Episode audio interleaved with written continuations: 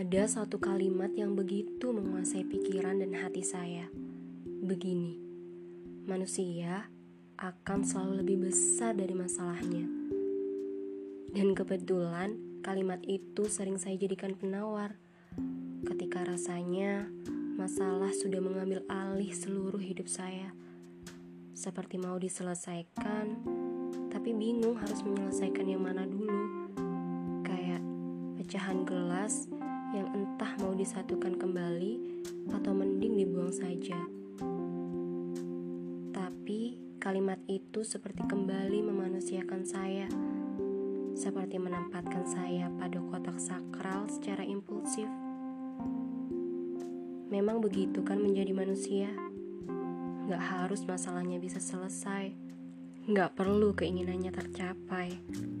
Sekedar hidup tenang, perut dan kepala bisa diajak santai, istirahat dengan kasur dan bantal yang empuk, doa mau diisi apa lagi? Apa masalah yang biasa sudah selesai menjajah, atau justru minta kita untuk mengalah?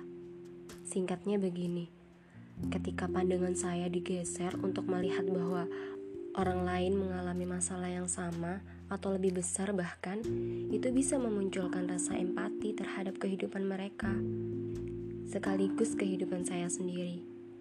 Ya, syukur-syukur bisa terbesit oleh rasa terima kasih terhadap masalah apa pun yang sedang menimpa. Karena setidaknya ada proses dan makna yang sedang dibentuk. Bukan tentang masalah kita lebih sulit atau lebih mudah, bukan juga sebagai bahan pembanding bagaimana kita melihat, mengatur perasaan, mengevaluasi sikap pada setiap masalah. Sebenarnya masalah bukan untuk diselesaikan, tapi untuk diterima. Karena menurut saya, terbebas dari masalah itu bukan jalan keluar. Tapi tenang, nanti kita juga akan menikah dengan masalah.